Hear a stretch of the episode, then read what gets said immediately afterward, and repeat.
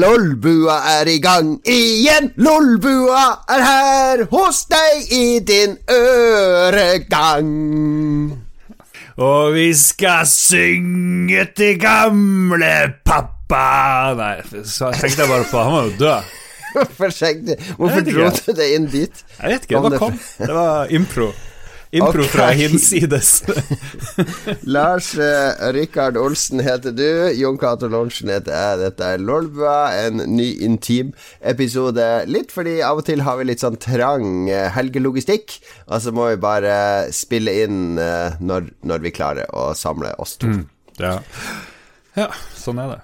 Sånn er det, sånn er det. Jeg har trang logistikk. Jeg kan snakke litt om hva jeg har gjort siden sist, så man skjønner hvorfor jeg har så trang logistikk.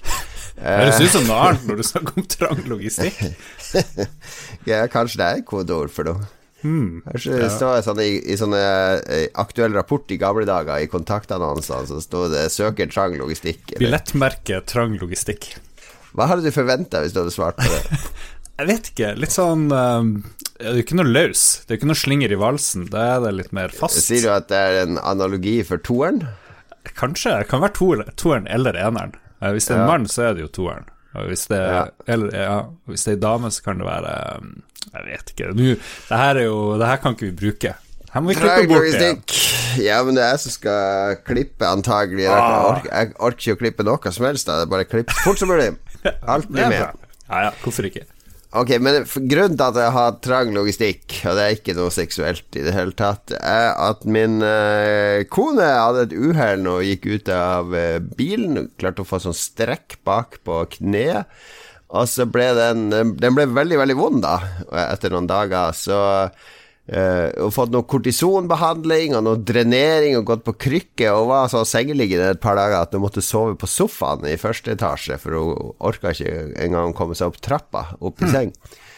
Så, og når det skjer, så må jo jeg ta all logistikken, ikke sant. Jeg må handle, jeg må eh, vaske etter Ta oppvasken. Hun klarte fortsatt å lage middag, takk Gud, ellers har det vært Grandiosa hver dag. Eh, jeg må kjøre unger på alt mulig av ting og tang, og fikse og ta henne med til leger og sånne ting. Så det liksom eh, Det blir nesten som å være aleneforsørger Ja, en det tenkte jeg. For det her har jo du Ja. gjort før. Du var jo alenepappa. Ja, men da hadde jeg bare én unge. Det er mye verre når du har tre unger. Altså er det Det er mye som skal følges opp. Ja. Så derfor har det har vært en litt sånn hektisk uke for meg, da. Fordi eh, så skal jeg jo jobbe oppi dette, ha jobbmøter, ting som skjer på kveldene av og til, og ja.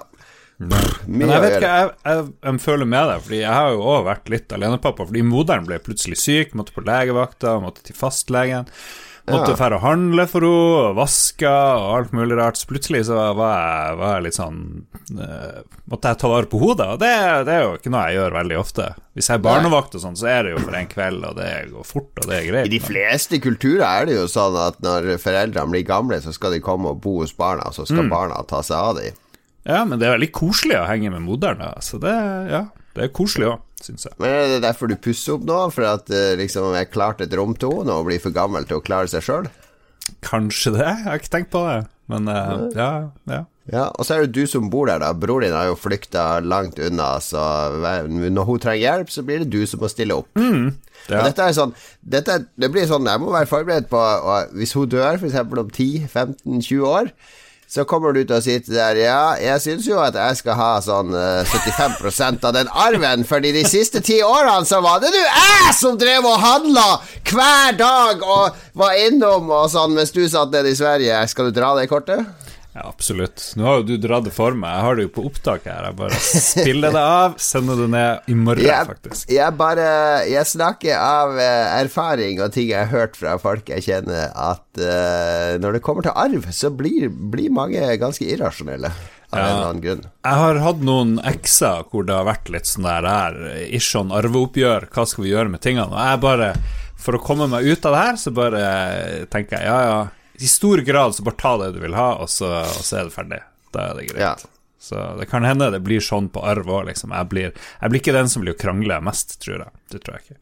Har du hatt eh, sånne ekser der dere har eh, Når dere har gått fra hverandre, så er det krangel om hvem hva hun skal ha med seg? Sånn skilsmisseoppgjør? Ja, jo, det har vært litt sånn Fordi man har kjøpt en sofa, man har kjøpt en seng osv., og, så og så har man kanskje spleisa, men så har den andre bestandig kjøpt matvarer, og den ene har aldri betalt husleie.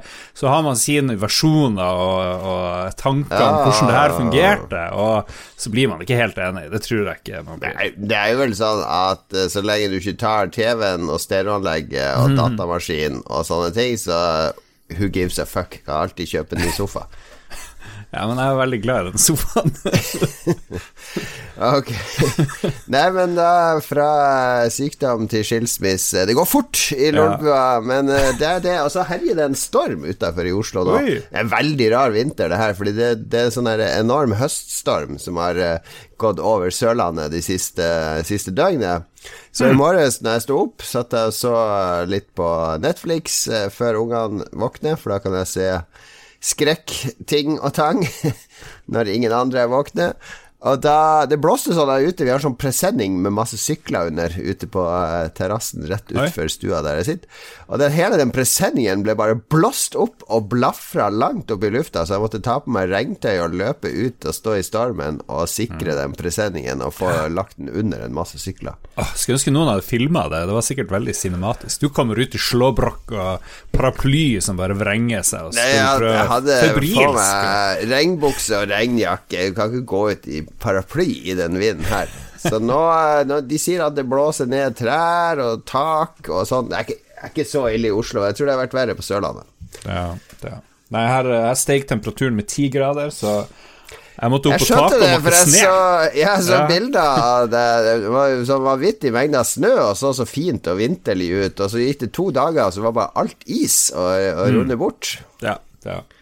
Sneen bare veier 100 ganger mer enn den gjorde, så jeg måtte opp på taket og mokke før det skjedde, og så er det bare is overalt. Ja. Kjedelig. Varme, Nå når du driver og bruker flere millioner på å pusse opp, du har ikke vurdert varmekabler i taket? jeg har varmekabler i eh, himlinga i stua. Ja. Det er jo et problem. Det er jo et kapittel for seg sjøl. Det var populært på 70- og 80-tallet. Hva i all verden har du varmekabler i himlinga for? Nei, det er jo helt bortkasta. Det er jo bare teit. Men jeg tror jeg er nesten før. Du skal varme opp loftet, er det sånn? Ja, jeg vet ikke. Veldig lite økonomisk. Bruker, bruker syke mengder på å varme opp. Det er jo derfor jeg driver En sånn uh, gal vitenskapsmann som bodde i det huset. Han gamle Veierød, han som eide det før, mm. han hadde en teori om at varme gikk nedover, ikke oppover. Så det skal han bevise ved å legge varmekabler i taket. Han hadde sånne spells, sånne okkulte ritualer for å få varmen til å gå ned, ja. tror jeg. Så, ja.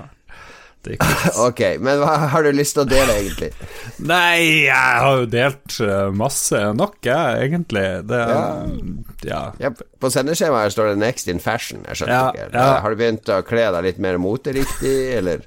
Nei, jeg bare jeg, hva, hva, kan jeg nevne som er litt personlig og kanskje litt flaut? Eh, noe som liksom skaper en viss reaksjon i meg sjøl, og dermed ja. også kanskje lytteren, det er jo at jeg har begynt å se Noe som er flaut, er at jeg ser de klærne som hang på skapdøra di bak deg for to ja. uker siden. Så du tok ned forrige uke, da bare tok du de av skapdøra og slang de nedfor den. Jeg ser de ligger nedfor den skapdøra fortsatt. Ja, ja. Det, er, tredje uka jeg ser de klærne. Da er vi på flauting nummer én. Flauting nummer to. ja. Jeg er jo stor fan, eller var stor fan, nå er det slutta, tror jeg, det her eh, Project Runaway, en sånn her eh, reality-serie om class-designere. Produsert av han her forferdelige Weinstein-fyren, så de måtte jo legge ned det der greia. Det var noe med Heidi ja. Klum og, og, litt sånne ting, og så har, jeg, har, det liksom vært en tom plass i mitt trash, TV-trash-hjerte. Men nå så kom plutselig Netflix med noe som heter Next in Fashion, hvor det er masse folk som driver og lager klær og må gjøre det så fort. Du må gjøre det fort, og så må det liksom være bra, og så er det et show, og så må noen ut hver uke. Så det er, det er, det er veldig guilt pleasure. Er det en sånn variant av den der uh, store symesterskapet som er på NRK? Har aldri sett eller hørt om det store symesterskapet, men sikkert. Hvis noen må ut hver uke, så er det jo sikkert. Ja, det er det. det, er det. Ja, men det er sånn at de skal lage klær, eller bare designe ja. de? Eller jo da, og det er ikke liksom Det er ikke hvem som helst, det er ikke bare folk fra gata. Det er folk som har designa i tusen år, så det er liksom bare de kjempeflinke folk. Det er som de her kokkemesterskapene, de her nye kokkegreier. Ja. ja. Masterchef Australia, bare med klær. ja, ja. Eller at du henter mesterkokker fra ulike land, og så ja. må de lage klær. Hva, er det som fascinerer deg med det? Altså, du, du kler deg jo ikke Nei, spesielt fasjonabelt. Vet ikke, jeg vet ikke. Det, er det bare det de modeller? For du har alltid vært litt sånn kåt på, på sånne modeller. Du var litt på Kate Moss, husker jeg, en periode. Og Uh, ja, du har alltid hatt litt sånn hots for det der modellooket. Ja, ja, jeg vet ikke, men jeg liker litt show og glamour og sånn. Jeg liker jo en bra Oscar-utdeling og Ja, men det er det i natt. Vi spiller jo inn dette på søndag. Skal du sitte opp og se Oscar? er det nå i natt? Er det det? Er det ikke det? Jeg tror det er, det er ikke i dag. Ja, okay. ja, for forrige uke var Superbowl eller noe sånt, ja. nå er det Oscar. Vet du hva, det er en god idé, men jeg må jo på jobb. Det er jo ingen som kan sitte opp om natta lenger. Vi er for gamle for det der. Kan du ikke livestreame det på HT? Syrlige Synlige mm. kommentarer i eh, Hmm. I Jostein Pedersen-stil. Å, oh, det har jeg glemt å si! Jeg møtte jo eh, Var på pub forrige helg, og der var Jostein Pedersen. Den gamle oh. Grand Prix-kommentatoren til NRK. Den beste NRK-kommentatoren. Ja, men det var litt trist, vet du, for han satt helt alene der og drakk øl, og han hadde en hmm. krykke, og han så Han har blitt veldig gammel og tynn. Han tok det veldig dårlig da han fikk sparken som eh, ja. MGP-kommentator, kanskje? For det var jo han der Arv, han Sundnes, Per Sundnes tok vel over litt. Så fikk ja. han sparken, og så nå er det en sånn ganske kjedelig og bland fyr. Sant? De nye folkene, eller han nye, han, han kommer jo med ingen uh, Han er så kjedelig, han som kommenterer nå. Det er sånn der bonde, sånn Toten-dialekt.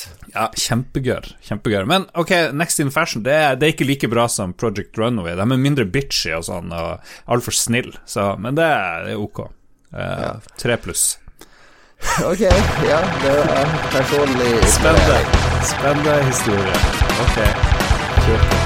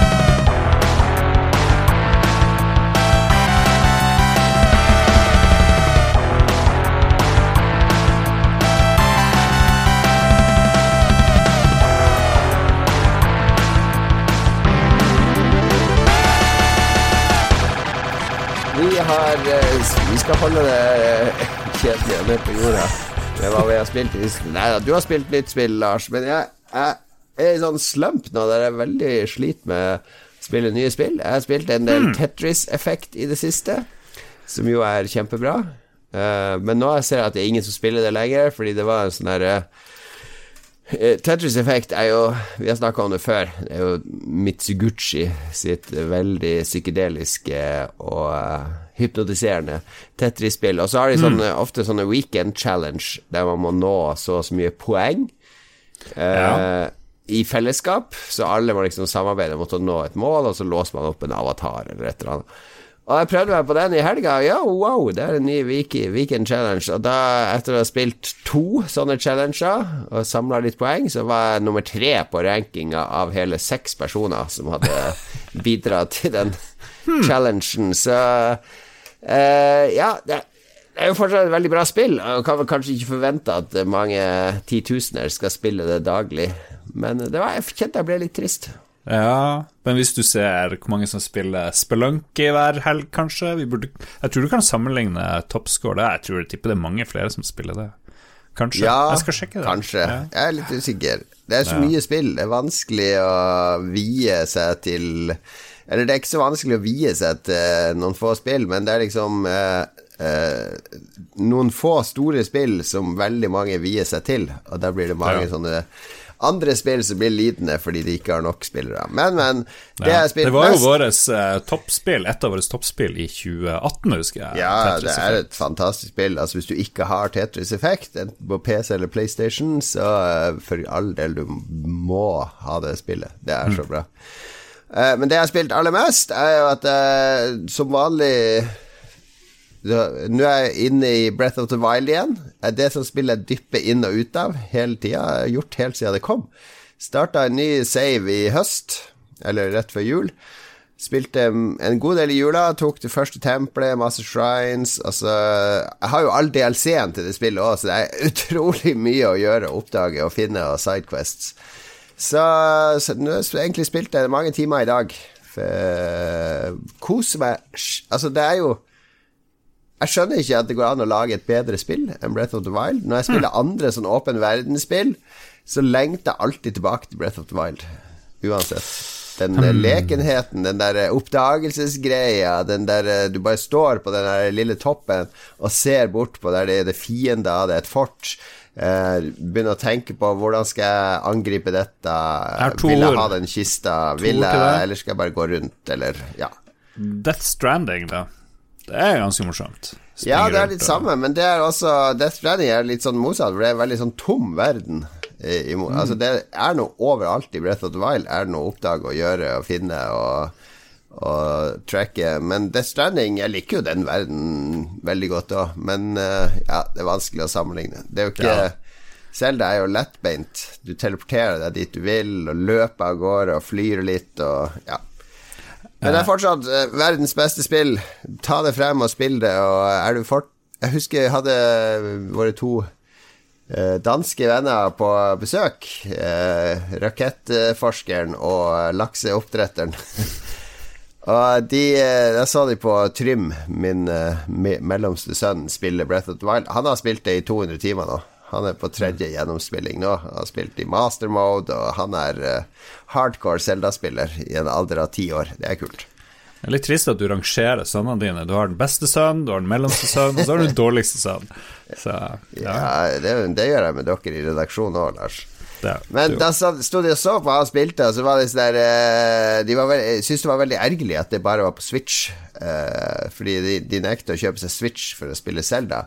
Men så sier jeg Altså, det er det eneste spillet som er verdt å kjøpe en konsoll for å spille. Det er ingen andre eksklusive konsolleksklusive spill jeg kommer på som er faktisk verdt en konsoll. Hmm. Jeg skal la det passere uten enormt mange kommentarer at du igjen ikke har spilt noe særlig nytt, for det skjedde vel ganske nylig òg, hvis jeg husker rett. Ja, men det er fordi jeg kjefta på deg for at du ikke spilte noe nytt, så det kan du holde against med i evig tid. Jeg har spilt Kentucky Route Zero. Som, ja, et, eh, ni år gammelt spill. vet du hva jeg skal si deg? Det siste kapitlet i spillet kom når? Jo, januar 2020. Ja, ja, ja det er nylig fullført, men det, det, mm. det, er sluppet i episoder, og den første kom vel for nesten ti år siden, tror jeg. Ja uh, Kickstarten var i 2011, og så kom første episoden i 2013, så det, det er ganske gamle greier. Det er det. Men så kom siste episoden nå i januar, og så kom alt til alle plattformer. Før var det vel mm. bare PC, egentlig, og Mac og sånne ting du kunne spille det på. Og det er så ufattelig bra. Selv om det er gammelt, så føles det fresh. Det er, det er jo et indie pek og klikk-spill uten så mye peking og klikking, egentlig. Du er en lastebilsjåfør som drar og frakter noen antikviteter i USA et sted, i Kentucky, vil jeg tro. Og du ja. møter mye rare folk, og du har med deg en hund. Um, det, det, har et slags forhold til virkeligheten, men Litt som uh, Postmann Pat, så hadde han med seg en katt.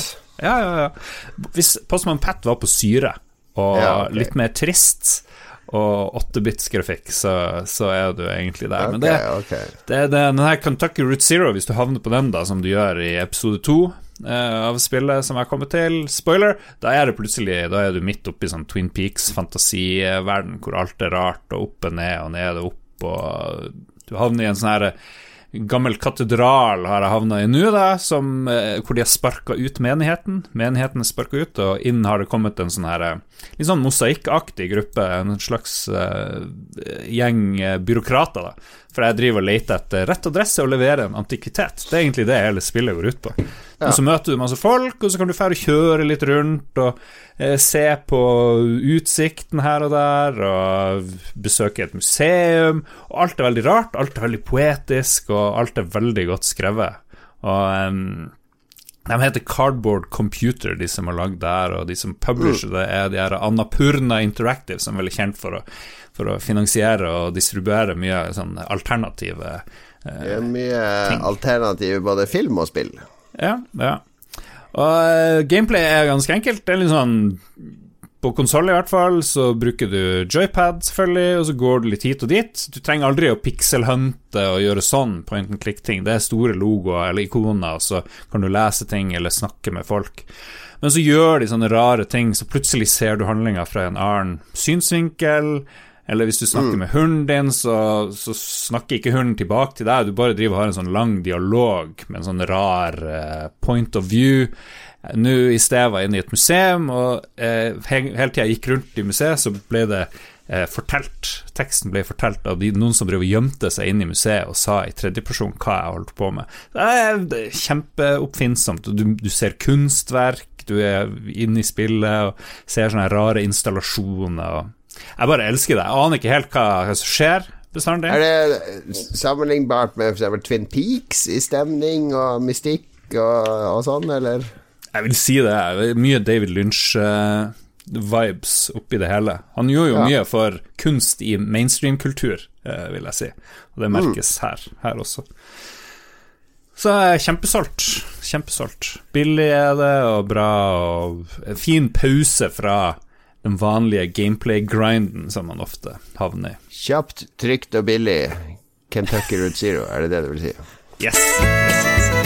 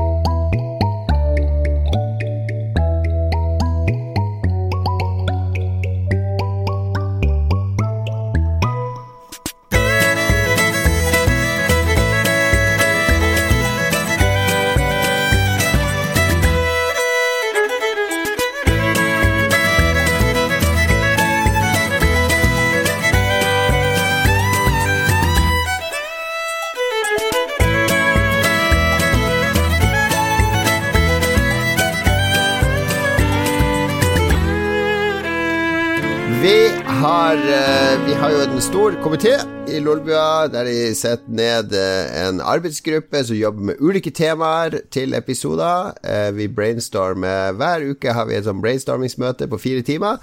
Der koker vi opp en 40-50 ideer, og så plukker vi ti av de, som får da hver sin arbeidsgruppe som bearbeider de inn i et sendeskjema. Og hva har mm. arbeidsgruppa funnet fram eh, av temaer til denne episoden, Lars? Ja, denne gangen så var det jo din arbeidsgruppe, en av de mange du leder. Arbeidsgruppe Bravo kom frem til at uh, det å vinne Win conditions, seier og, og uh, Ja, akkurat det å, å være nummer én er ja. faktisk ukens tema. Ja, det å vinne. Fordi eh, vi, vi, prøvde å ta litt filosofisk approach til det her at no, så å si alle dataspill handler jo om å vinne. Altså mm. Du kommer til slutten av historien, da vinner du. Du får mest poeng, da vinner du. Du bekjemper motstanderne, da vinner du. Du er den eneste igjen av de 100 på Fortnite-øya, da vinner du. Altså, en win condition ligger i mange spill. Og er det derfor vi spiller? Er det for å få denne følelsen av seier, erobring, å vinne og være best? Eller ja. er det andre grunner til at du spiller, Lars? Jeg tenker jo at det spillet jeg nettopp snakka om, Kentucky Route Zero, er jo et veldig godt eksempel på at kanskje var, spilte man for å vinne før, jeg tror det var mm. mer før, men i dag så er det veldig mange grunner til å spille spill.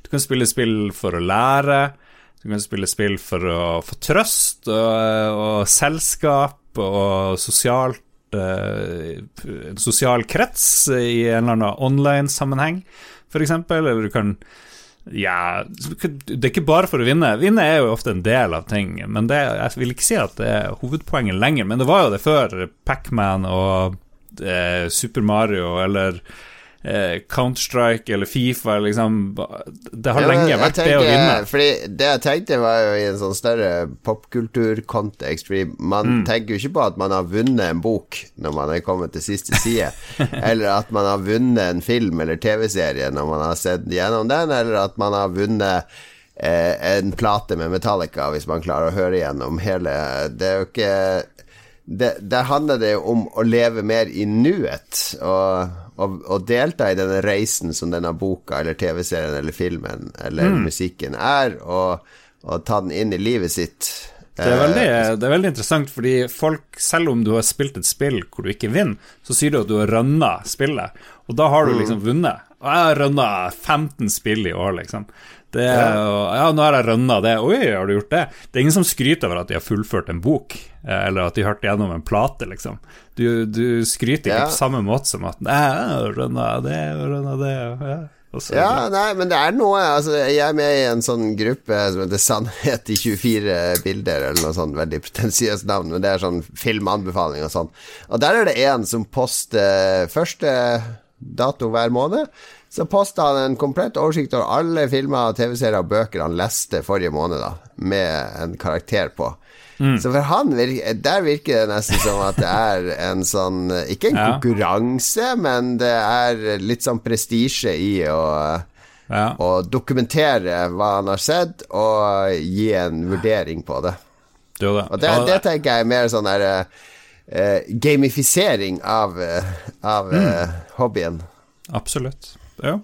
Mm. Um, jeg tenkte litt på spill som Minecraft og Animal Crossing og sånne ting. Der er det jo aldri en slutt.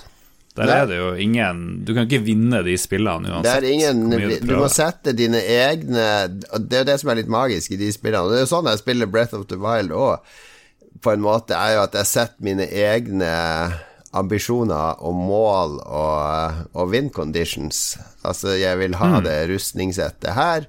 Og selv om spillet ikke er ferdig da, så er det sånn Yes, jeg jobba hardt, jeg klarte å grinde det jeg trengte for å få det her, og det føles godt, men det er ikke sånn Gratulerer, du har vunnet i det hele tatt. Men sånn er det jo i Minecraft òg. Altså, du, du setter deg fore å lage et eller annet, eller lage ditt eget prosjekt, og så prøver du å realisere det. Ja. Jeg tok og eh, leste en interessant artikkel noe som heter Magpie Games, eh, som research til denne sendinga. Der kom jeg over noen, noen sånne morsomme tanker om det å vinne. Jeg skal ta legge inn uh, lenker i shownotes. Og en av de tingene er at i mange spill så har du større og større mulighet for å rollespille. Du kan endre på utseendet ditt, og du kan velge ulike utsagn som du kommer med. Og i uh, MMO-RPG-spill mm. og sånn, så kan du jo bare holde deg til et helt yrke og bare være smed for andre, osv. Så videre. så, men, men en del av denne rollespillinga Eh, er jo at du kan ta rollespillinga veldig ut, og du kan sabotere deg sjøl. Kan si ok, mm. her er en karakter, han er redd for å gå ut, eller han vil ikke snakke med noen. Og gjennom alt det her så, så har du ingen sjanse til å lykkes eller vinne i, i et spill. Og Det syns jeg er en morsom ny, ny, ting som har kommet, samtidig som spillene har blitt mer komplisert. Ja, ja det er ja, Det er en art interessant måte å spille på. Det er litt som han der eh, ene pandaen i World of Warcraft som er pasifist, og som bare går rundt og samler planter og sånn, for du får XB for det, og har gjort det i ti år og klart å levele seg opp til maks. Men han har jo gått glipp av alt i spillet, da. Alle story og alle oppdrag og sånne ting, fordi han bare samler planter. Ja. Og så tenkte jeg også på eh, spill hvor du vinner, men så taper du kanskje likevel. Eh, jeg hadde ungen til en kompis eh, på besøk, han spilte gjennom hele Shadow of the Colossus i løpet av to dager. Jeg satt og var med og hjalp og fulgte med. Og det som er spesielt i det spillet, er jo at selv om du vinner og, og slår de her bossene hele tida, så føles det som at, i hvert fall på meg, så føles det som at du taper. Så har du Mass Effect 3-slutt nå, hvor, hvor, mange ble sint. For der føltes det også som at du tapte, selv om du klarte å runde det, og, og du fullførte. Ja, hva, hva, skjedde der, egentlig? Ja? Jeg runda aldri Mass Effect 3, gjorde du? Ja, du har jo tre ulike valg. Du kan velge å, å ødelegge hele universet for å bli kvitt de her, eh, de her slemmingene, f.eks. Eh, du driver og springer sakte frem og hopper opp og gjør et eller annet. Jeg husker ikke. Folk ble så ufattelig sinte pga. det der, men jeg reagerte faktisk ikke i det hele tatt. Jeg synes jeg Mass Effect 3 var helt toppspill, litt sånn weird slutt, men, Men win condition, eller slutt, eh, det du må gjøre for å vinne i et spill, teller jo ganske mye. da Det tror jeg mange tok lærdom av i den her Mass Effect 3-kontroversen. Men er det ikke reisen gjennom 1, 2 og 3 som er det viktige, ikke konklusjonen? Ja. ja, man skulle tro det, men på mange så forlangte de jo å få en ny slutt, og det gjorde de jo òg. Eh, fordi, Ja. fordi Men hva hele var det de ville ha ut av den slutten? En, en Altså, happy ending, sånne, tror jeg. En sånn. Friends-scene der alle står med armene rundt hverandre og ser på solnedgangen, eller? Ja, jeg tror det var at hvis du redda universet, eller hvis du beholdt universet, så vant de slemme, men hvis du resetta hele universet og deg sjøl, eller hva det var, så Ja. liksom tok du knekken på de slemme. Men Det er jo klassisk sci-fi-problematikk. ja, ja, ja absolutt. Absolutt. Ja vel. Syns til å eh, syns eh, Jeg syns gruppe Bravo, som du leder til eh, ukens eh, tema, er ganske interessant. De har jo også spurt uh, lytterne om hva deres uh, favoritt-vinn-vinst i spillet eller livet var, det skal vi høre om i lytterspalten. Men har du vunnet noe spesielt i noe spill, uh, Eh, JC, spill? eller ellers? Ja, er du noe seierherre? Nei, hva Jeg har aldri vunnet noe som helst i mitt liv, egentlig. Ikke på ordentlig heller? Nei, jeg, kommer, men jeg driver jo ikke og tipper lotto og sånn tull. Jeg har sikkert vunnet Min mor pleier å gi oss sånn der flaks julekalender, så jeg tror jeg har vunnet 100 kroner i den en gang. Ja. Men det er jo ikke noe å skryte av. Jeg husker, Um, ja. Jo, jeg vant. eh, Jeg var på eh, lanseringsfest til Grand Theft Auto Vice City. Eh, I Oh. 2000, 2001, eller når det kom, det spillet. Ja, ja. Så dro vi jo med danskebåten ned til Danmark uh, sammen med den norske distributøren. Det var en uh, fantastisk fylletur på danskebåten, og så rett på fest i Danmark for- formiddagen etter i København. Og der var det liksom alle journalister fra Norden. Og det var så mye shots på den baren, fordi det var sånn servitører i sånn der bunny-drakter. Det var sånn GTA-inspirert setting. Som kom rundt med sånne brett med shots, og vi bordet der vi satt, vi åtte nordmennene, vi bare tok hele det brettet fra henne der servitøren hun kom. Det var sånn der 40 shots på det. Og, og jeg, Jeg hører ikke om noe vinning her, faktisk. Jeg hører bare tapere. Dette er jo gratis shots, det er jo å vinne i utgangspunktet, Lars. Vi bare helte det på, og så kom neste brett fem minutter etterpå, og så prøvde vi å ta det òg, hun bare tok og samla det gamle brettet og to, satte ned det nye, og så bare sier hun I drikker som noen svin! Du vet at en danske blir sint for at du drikker mye. Og da, svaret da var fra han ene i Spacewell, husker jeg bare Vi er nordmenn, baby! Nordmenn! det var et veldig stolt øyeblikk i Danmark. Men så, de hadde sånn konkurranse på scenen der du kunne vinne GTA Vice City soundtracket, da. Den boksen. Samleboksen. Uh, og det, det klarte jeg å vinne, det. Jeg var først ute. Vi hadde fått ut, utdelt sånn uh, kruttlapppistoler og sånn, for alle skulle være gangstere. Så de satt og skøyt i lufta når du skulle svare. Og det var eh, det var artig fest. Artig fest. Veldig bra samleboks. Jeg har den enda, den der Vice Ja, veldig fin design. Likte veldig godt designet på Vice City, på, Mm. på de CD-ene og sånn. Det de rene og fine strekene. Så det er det beste jeg har vunnet. Hva med deg? Eh, Jeg husker mitt sterkeste inntrykk av å vinne nå var i barneskolen i Kirkenes, eh, da det ble tilfeldig trukket ut av rektor hvem i klassen som skulle vinne en ryggsekk, fordi klassen hadde gått mest av alle klassene på ski. For vi førte opp kilometer hver gang vi var, gikk på ski og sånn. Jeg hadde vel gått en par kilometer, og husker at jeg fortjente ikke den ryggsekken i det hele tatt. Og hvis jeg har vunnet noe senere i livet, så har jeg alltid hatt den samme følelsen av at det her fortjener jeg ikke. Bare sånn eh, bare sånn imposter. Det her, er- det her er noen andre som er bedre enn meg. Så uansett, så hvis jeg vinner i spill, så f.eks. for eksempel trekken og sånt Hvis jeg vinner for mye, i hvert fall, så bruker jeg å liksom bli litt dårligere med vilje, fordi eh, det er jo, det er litt kjedelig å vinne òg hele tida. Så Er du, er du en sånn en? ja, jeg er en sånn en. Det, I sjakk òg? I alt du konkurrerer i? Stort sett det meste. Stort sett det meste. Så justerer jeg ned, i stedet for å justere opp. Jeg vet ikke om dette er en ned. bra egenskap. Det er sikkert Er veldig dårlig. Når du får tilbud om mer lønn på jobb, så er det sånn Nei, nei det fortjener jeg ikke. Sorry. Gi det til noen andre. Jeg har kanskje blitt litt mer kynisk på sånn penger, da. Det, det må jeg si. Der, ja. der krever jeg litt. Men, men det, er jo, det, er jo, sikkert bare et uttrykk for dårlig selvtillit, så egentlig så burde jeg jo skjerpe meg, skjerpe meg litt der. Men ja, men når du spiller med barna dine, sitter du, og du bare kjører på? Du firer ikke en tomme, liksom? Eh, nei, jeg, jeg, jeg, kjører over de. Jeg må lære de å tape. Det er det. Men sånn som i sjakk, så er de, de er blitt ganske gode. Altså der, og der har jeg sagt til de at de eneste gangen du lærer noe når du spiller sjakk, det er når du taper. Uh, mm. hvis, du, hvis jeg lar deg vinne hver gang, så kommer du til å forbli en elendig sjakkspiller. Men der har de lært seg å tape. Men der han, han yngste der er faktisk eh, Han slår meg av og til. Uh, mm. Men er kanskje jeg ikke er helt konsentrert, eller sånn, men det er ikke, er ikke sånn at jeg gjør sånne idiottrekk med vilje. Jeg prøver ja. å vinne. Uh, og det samme i kort og andre brettspill. Jeg prøver Man må spille for å vinne, så er det jo ikke noe vits. Jo, men hvis du vinner hele tida Det er jo ikke noe gøy å vinne mot en som gjør seg til en idiot for at du skal vinne. Det, Nei, men det, det, det finnes jo, det er jo ikke, Alt er jo ikke svart eller hvitt. Ikke sant? Hvis du vinner 100 ganger mot ungen din, så vil jo den slutte å synes det her er gøy. Ja, men når de var to-tre år, så gjorde, lot jeg de jo vinne, ikke sant? Ja. Og så men, tenker jeg også at Det kan òg være tegn på at jeg har faktisk også litt grei selvtillit, for jeg må ikke vinne hele tida for å liksom føle meg komfortabel. Men når du spiller kjempe... mot uh, din lillebror, lar du han vinne da, siden han er mindre enn deg? hvis jeg vinner for mye, hvis jeg vinner tre ganger på rad, to ganger på rad, så tar jeg liksom og roer litt ned. Liksom ja, Men han blir jo dritsur når han taper. Du vil jo gjøre han enda surere. ja, det er kanskje unntaket. Det er veldig gøy når broderen er sur.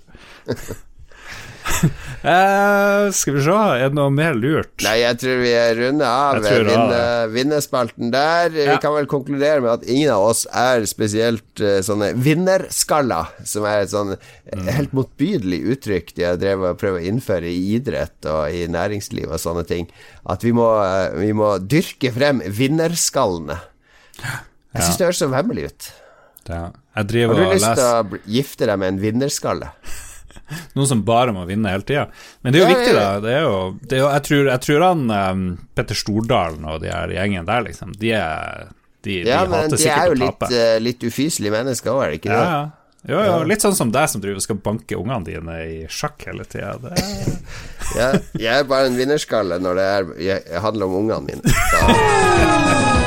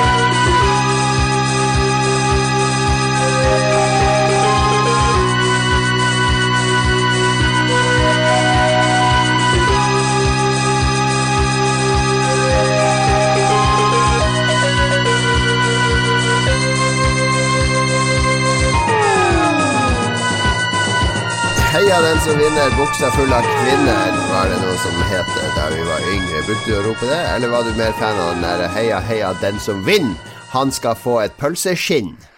Uh, det var en lærer som sa 'heia, heia, alle veier', sa Det var mye kortere og lettere å si. og så har du også den der 'heia, den som taper', buksa full av Aper?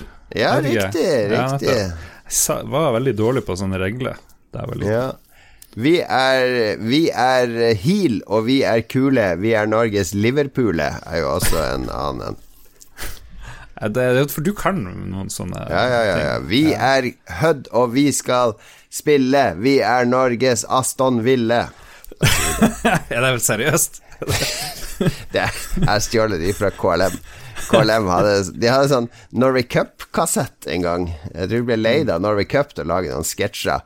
Og da hadde de en sånn sketsj der det var norgesmesterskap i kamprop. Og det er veldig mange artige kamprop der, da. Hmm.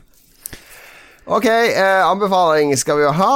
Eh, jeg kan eh, Du kan få lov å velge hva du vil ha av anbefaling fra meg, for jeg har brent inni meg. Det er så mye bra.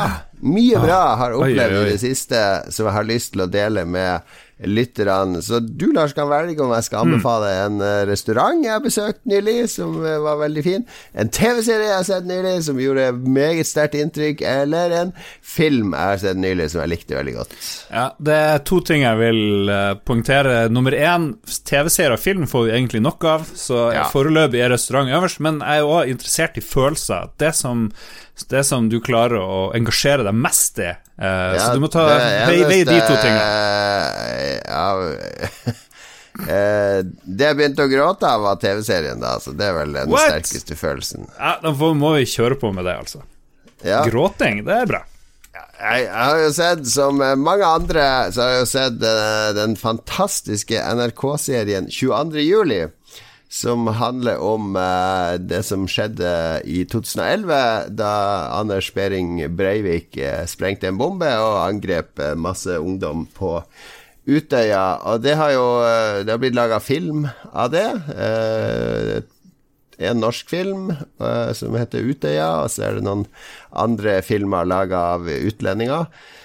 Uh, som er litt sånn uh, Den Utøya-filmen er jo fin, men uh, de, de andre er litt sånn ehm, det, De føles veldig rart å se dem, fordi det er liksom ekte hendelser, og så er det filmatisert, så det er jo veldig vanskelig å, å lage noe underholdning, og nå snakker jeg om underholdning et veldig bredt begrep, men å lage noe underholdningsaktig ut av noe så alvorlig, og noe som har berørt Så Så altså, det er ingen i Norge som ikke er berørt av 22. juli på et eller annet vis. Ja, Men denne. NRK-serien eh, er laga på en veldig, veldig, veldig fin måte, fordi den handler om alle rundt. Altså ikke Det er ikke filma Breivik som angriper eller alt det der, men det er filma alle som er i områdene rundt, og som blir berørt av det. Altså, du får se alle ringvirkningene av det som skjer. For eksempel så var det jo eh, veldig, veldig mange skoler i Norge som ble berørt av det, for de mista jo elever på Utøya. Altså, det her var jo i sommerferien, så hvordan håndterte de dette i august, når alle elevene kommer tilbake til skolen, og det er to stomme, tomme skolepulter av folk som har dødd på Utøya? Eh, hva skjer med lillebroren til hun ene som dør, osv.? Hva, hva skjer på sykehuset når alle disse skader kommer inn? Alt det her får vi liksom være flue på veggen til. Eh, og, og, og bare ren logistikk, altså hvor mye eh, enormt mye logistikk det var i, på 22., 23., 24. juli osv. for å ordne opp i det her, rydde opp i det, etterforske osv. Så, og den er laga på en sånn utrolig fintfølende og nær måte, så at eh, du sitter hele tida med en sånn klump i halsen, fordi du blir hele tida minnet på hvor du var når det her skjedde. Og blir minnet på Hvor var du henne? Jeg var jo Vi skulle kjøre til Vestlandet 22. juli, og så akkurat da vi hadde lasta inn i bilen og var klar, så så sånn røyk som kom opp nede fra sentrum, for da hadde bomba akkurat gått av. Ja. Og så hørte vi på radioen at det hadde vært en eksplosjon, og dit og datt. Og så da kjørte vi Ring 3 rundt Oslo i stedet for å kjøre gjennom Operatunnelen, for jeg tenkte hvis det er noe sånn terrorgreier, så vil jeg i hvert fall ikke være fanga inn i en tunnel med tre unger i baksetet. Ja. Uh, altså, da kjørte jo vi vest ut mot Sandvika sammen med Breivik, basically. Han var sikkert litt foran oss, men det var samme veien han kjørte ut til Sandvika. Da svinga han opp mot Hønefoss, mens vi kjørte rett fram. Ja. Så hele, hele kvelden der var bare i bilen helt fram til halv ett når vi var fremme på Vestlandet, og sitte og høre på radioen og få den ene verre oppdateringa etter den andre. Ja, nei, jeg var også, i bil, kjørte fra Tromsø til Alta, husker jeg, Ja. den dagen. Så det var jo helt sykt. Og sånn dårlig radioforbindelse. Det var før DAB og, og alt det der, der. Og så bare følge med, og hva faen, liksom. Det ble bare verre og verre. Det var, litt, det var jo Norges 9-11. Det var jo det. Ja, altså, altså blir jeg Jeg blir litt glad av den serien, fordi den behandler det med en sånn aktsomhet og respekt at jeg syns det er veldig fint å, å, se mye av hvordan vi responderte på dette, hvordan støtteapparatet fungerer, og hvordan journalistene gjør jobben sin. Det er veldig mye sånn Aftenposten og journalister på jobb og sånne ting. altså, I hver episode så har liksom sittet Har tårene kommet, liksom, av ulike grunner, men det er, det er så sterkt. Det er så sterkt, og så er det så nært at uh, jeg klarer ikke å distansere meg fra det, eller uh, putte en sånn ironisk distanse mellom meg og det som skjer der. Og det, hver episode jeg har jo telefonnummeret til, til uh, Kirkens Nødhjelp eller et eller annet hvis du trenger å ringe. Fordi det er, det er sterkt. Det er veldig mm. sterkt. Så jeg absolutt anbefaler å se. Altså, det er noe av det beste jeg har sett av TV-serier om en ekte hendelse. Fordi det er en hendelse man kan mye om sjøl, man kjenner til sjøl. Og, og, det føles veldig riktig fortalt.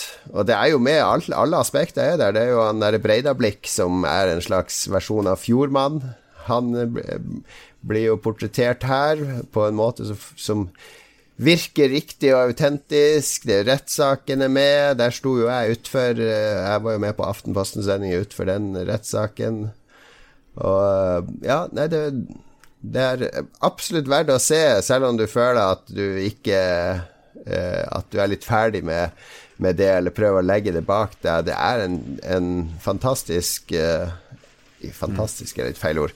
Men det er en veldig viktig påminnelse om det største arret vi har i Norge etter andre verdenskrig. Eh, hvor mye handler det om hva, hvorfor Breivik gjorde det han gjorde, og hvordan forklarer man det? Det handler ikke om det i det hele tatt. Det handler om konsekvensene og ringvirkningen mm. av det han gjorde. Det er mer Breida-blikk som liksom er uh, fremst i Altså den der uh, høyrebølgen på nettet som har inspirert han, og manifestet hans og det der. Ja, okay. så, så, det Det går uh, Det handler ikke om det. Det handler jo om de som ble påvirka av dette. Ja. Av, eh, etter at det hadde skjedd, så husker jeg et av de sterkeste øyeblikkene Øyeblikkene for meg rundt hele der Breivik-greia var Jeg sa til eh, pappaen min bare noen dager før han døde, eh, at under rettssaken mot han Breivik så jeg vet du hva, det har aldri vært noe særlig for dødsstraff, men akkurat nå så tenker jeg I stedet som fortjener å dø i Norge, så er det han, er det han Breivik. Og så hadde vi en ganske lang og fin samtale om dødsstraff og rettsstat og hvordan vi ønsker å ha det i Norge og sånt. så han snakka meg ganske fort ned fra å være sånn der eh, øye for øye, tann for tann-kar, som jeg egentlig ikke heller var, det. Men jeg vet ikke, det er, mange store spørsmål som kan trekkes inn i, i det her. Og så har jeg ikke lyst til å se den der serien i det hele tatt, Kjell. Eh, ikke ennå. Nei, men jeg ville, jeg ville se den hvis jeg var der. Gjerne sammen med noen. Mm. All right. Jeg er veldig glad for at vi valgte at du skulle snakke om 22. juli. Jeg kjente at det var, det var noe du bryr deg om. Ja, det er veldig eh, berørt av det. Ja. ja.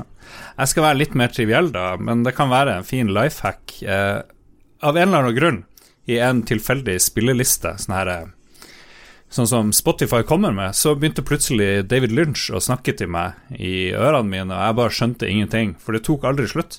Så måtte jeg jo se mm. hva det var som var satt i gang, og det var faen meg en hel bok på sånne åtte timer eller noe, hvor David Lynch leser selvbiografien sin, 'Room to Dream', hvor han begynner med sånn vill gjennomgang av barndommen, og ganske sånn eh, Sånn barndom kanskje som du tror David Lynch hadde. Han var en eh, eh, speider, drev og lagde bomber med kompisene, drev og hadde eh, var veldig rar fra tidlig alder, men ikke så rar.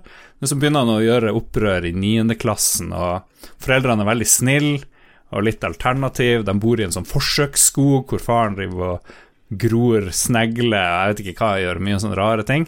Mm. Og så får du høre om lunsj fortalt Gro. gjennom mange ja. kjærester og studiekamerater og alle de rare tingene. Han er jo en, et geni mann, så det er helt fantastisk å høre han sjøl snakke om, om uh, mange av de her uh, tingene.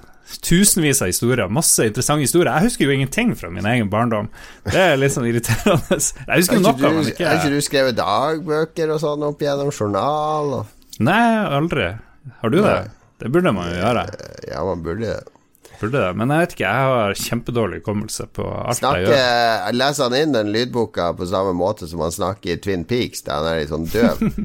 og så gikk vi inn i skogen, og der så vi Nei, han er en veldig flink forteller. Det er bare av og til så skjønner du Oi, han leser noe han, noe, noe han har skrevet. Eh, Men det er bare av og til. Som ofte så høres det ut som han bare forteller, liksom, og kommer på ting. Og det er sikkert en del eh, sånn, sånn, sånn improviserte greier, men til å være en memoar, så, så er det noe av det beste jeg har hørt. Og så søkte jeg Fins det flere lydbøker på Spotify. Ja, ja, ja. Bare søk på audiobooks, og så finner du en eller annen playlist, og så er det masse greier. Men jeg tror jeg lurer på om Spotify prøver å holde det litt skjult, og sånn, for det er jo det, Jeg aldri sett eller hørt om det tidligere. Kanskje det er sånn der eh, betasatsing. Det er godt mulig. Jeg vet ikke hvor mye det er, men det er i hvert fall en 20 bøker jeg har funnet hittil, og det er fantastisk. Ved siden Ja. av podkast, så er jo lydbøker helt magisk. Hvis du ikke finner en bok du har lyst til å lytte på, så kan jeg ta en kjapp ekstra anbefaling på, på Spotify. Så er det også et eh, indie-band som heter Audiobooks. Så det er litt vanskelig å søke på, på Google og sånn. Men eh, de, eh, de har noen veldig 'Dance Your Life Away' er en fantastisk eh, danselåt. Så du kan høre på det hvis du ikke klarer å finne noe som faller i smak. Men du anbefaler altså å søke opp lydbøker på Spotify. Jeg anbefaler 22. juli-serien på NRK.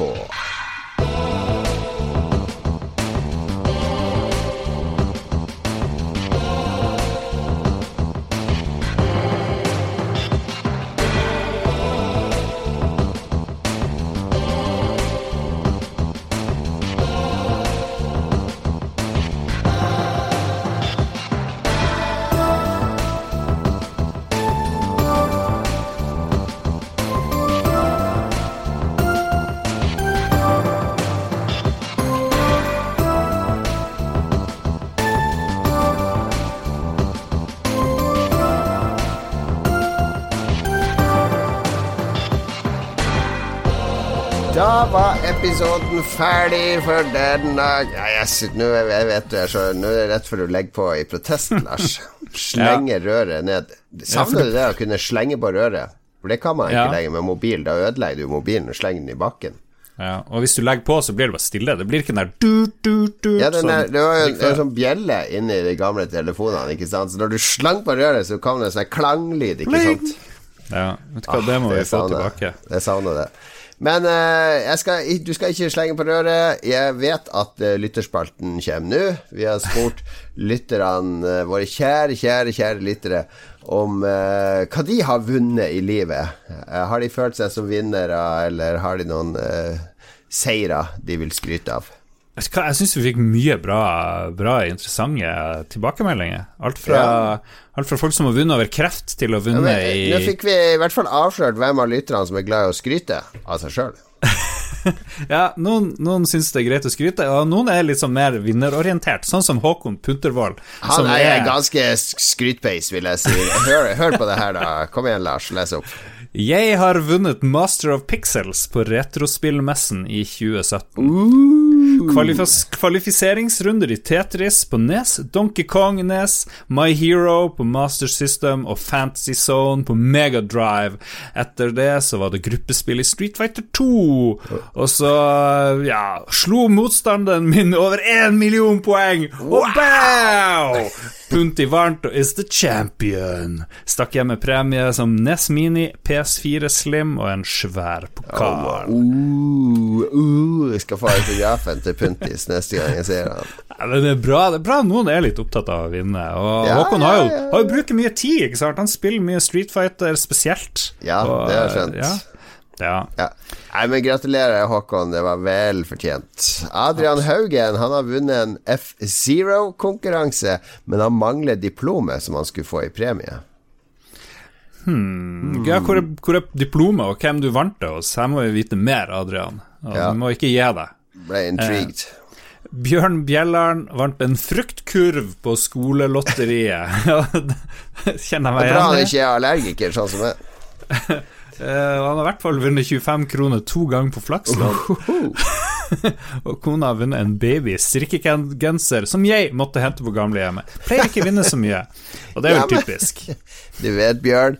Hellig spill, uhellig kjærlighet og motsatt. Ja. Tipper du Lotto, Jon Cato? Sånn. Nei, det har jeg aldri gjort. Du har spart har- ganske mye penger på det. Ja, og mamma vant en gang 77 000 eller noe sånt på Lotto. Hun har sikkert brukt 77 000 på Lotto Ja, det går jo opp i opp. Så det, må jo Alle sånne ting jeg må jo eh, En hel haug med folk må jo tape for at én skal vinne. Ja. Så det er jo det som er litt kjedelig. Men, men vinner man ikke òg Unnskyld, her, vinner man ikke òg ved å drive og glede seg? Hver helg så gleder deg. Ah, nå kan jeg bli Jo da, det er jo en, eh, det er jo en glede i den der gambling Den Den følelsen av at du kanskje kan vinne noe. Men Det er jo eh, det.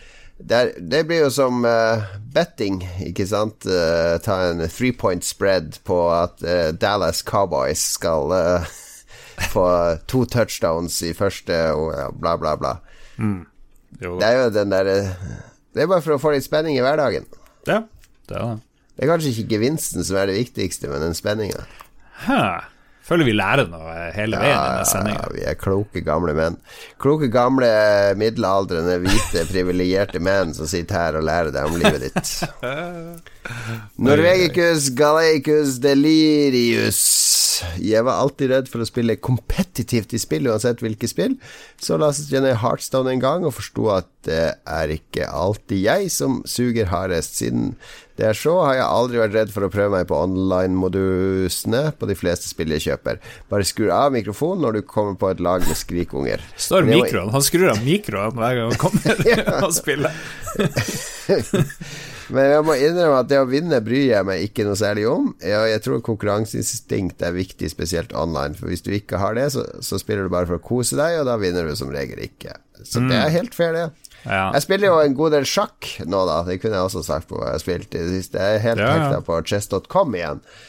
Og der eh, Veldig ofte når jeg ligger an til å vinne, så taper jeg pga. tida, for jeg spiller sånn timinutterskamper. Så jeg, jeg, jeg, jeg klarer ikke å tenke fort nok ennå.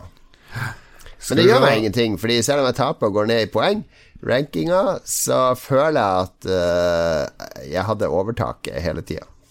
Mm. Ok, ok. Du er ikke Oi, Jesus. Trond Sinfor Borgersen er òg en veldig flink eh, arkadespiller, men han er litt mer Flink DJ eh, òg, har jeg hørt. Ja, han er litt mer rolig enn eh, Puntis. Han sier bare at han vant en PS4 20th Anniversary Edition i en konkurranse. Det var veldig stas, og ble Ja. overraska med premien under lunsj på jobben med kamera og det hele. Det er stas. Det er en fin konsoll, det, da. Verdt masse penger. 10 000 eller noe sånt, tror jeg. Shit.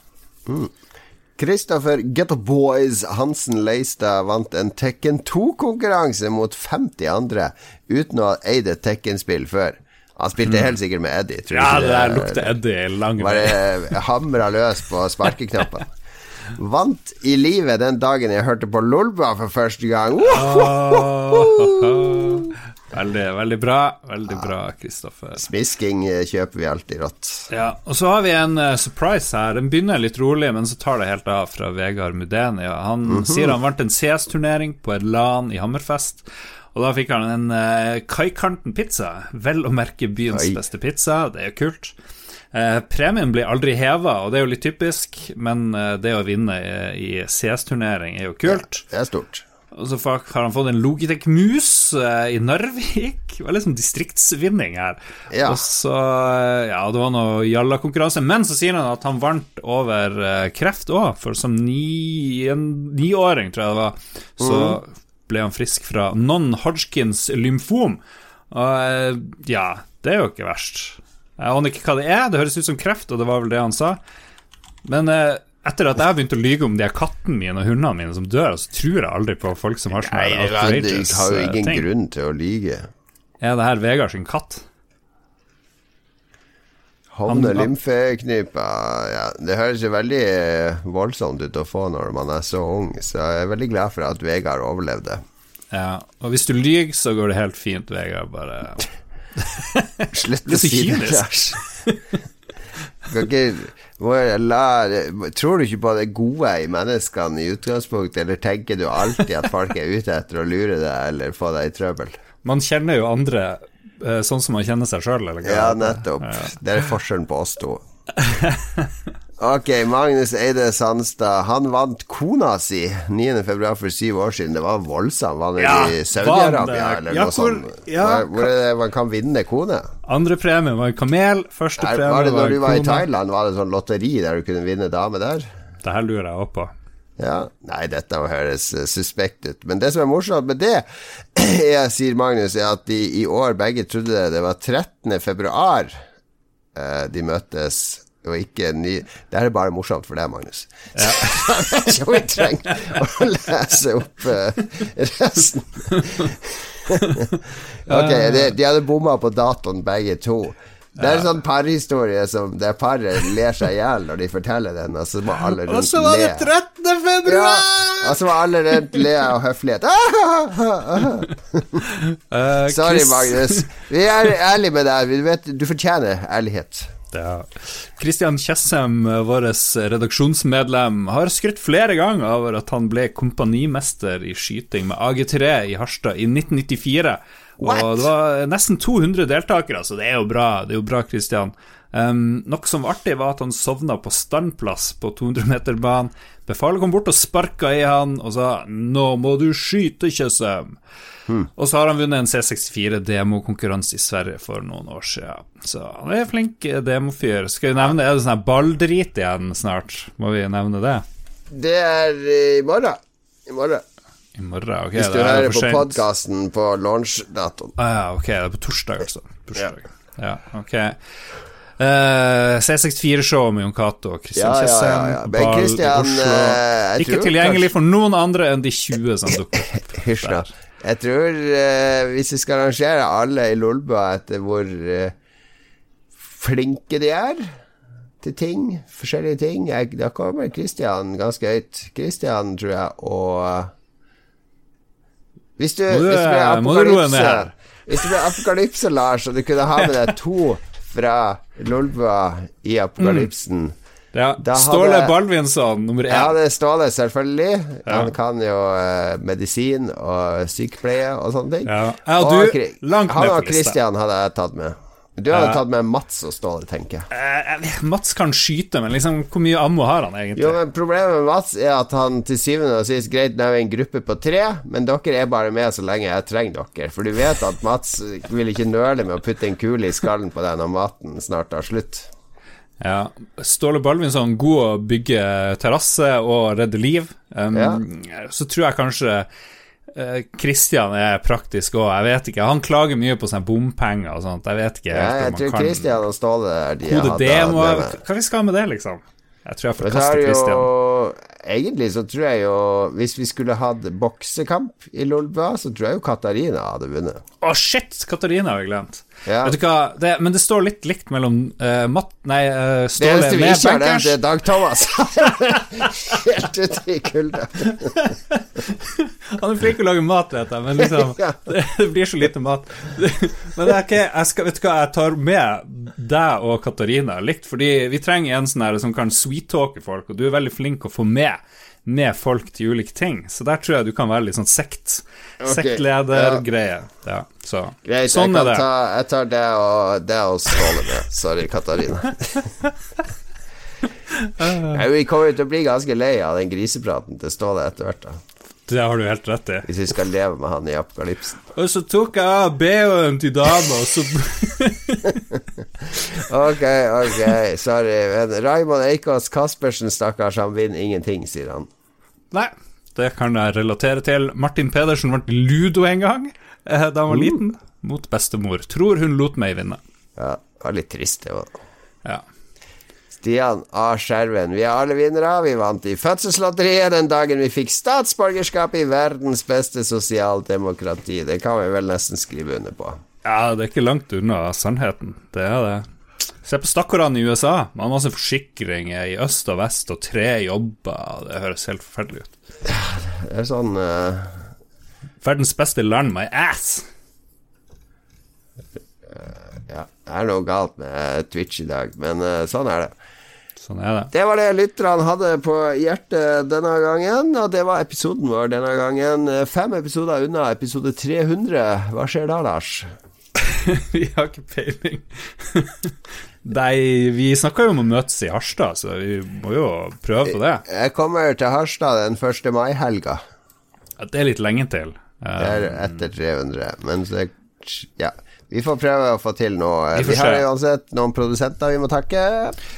Ja, TTMXMP, Kobrakar 7684 Ja. og Rolf Helge Øvergård Ingebrigtsen. Tusen takk. Hvis du vil bli produsent eller støtte oss vår Patrion på en annen måte, så gjør du det på patrion.com slash lolbua, og der, eh, der er det mye godis som lurer. Eh, Brev fra Jon Cato hvert tiende år, for Ja, med- eh, Maksimalt. Eh, månedlig i teorien uh, Roffelbua. Vi, vi kom ikke ut med noe ruffelbua i januar, så det må vi jo faen meg Vi holder på å få logistikk, eh, Ja, logistikk der òg. Veldig dårlig reklame for vår Patrion enn så lenge, men det Men hør nå på Ja. spillrevyen, da, hvis du, Ja. hvis du venter på Ja. ruffelbua. For det er vår nye spillnyhetspodkast. Har en egen eh, RSS-feed og identitet. Finner den på Spotify og iTunes og overalt ellers. Absolutt. Tusen takk for at du hører på uansett. Vi er, Yes. vi er glad i dere. Dere er vinnere som hører på Lolbua. Sånn Ja. er det bare. Winners choose Lolbua. Takk for i dag. Ha det bra.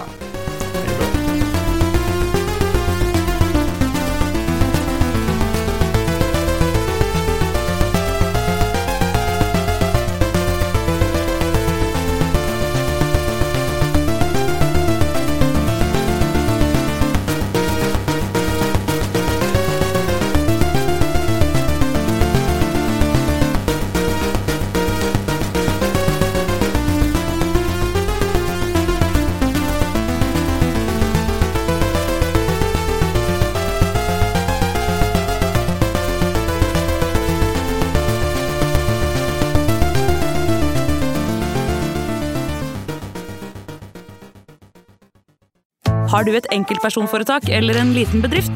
Da er du sikkert lei av å høre meg snakke om hvor enkelt det er med kvitteringer og bilag i fiken, så vi eh, gir oss her, vi. Fordi vi liker enkelt. Fiken superenkelt regnskap.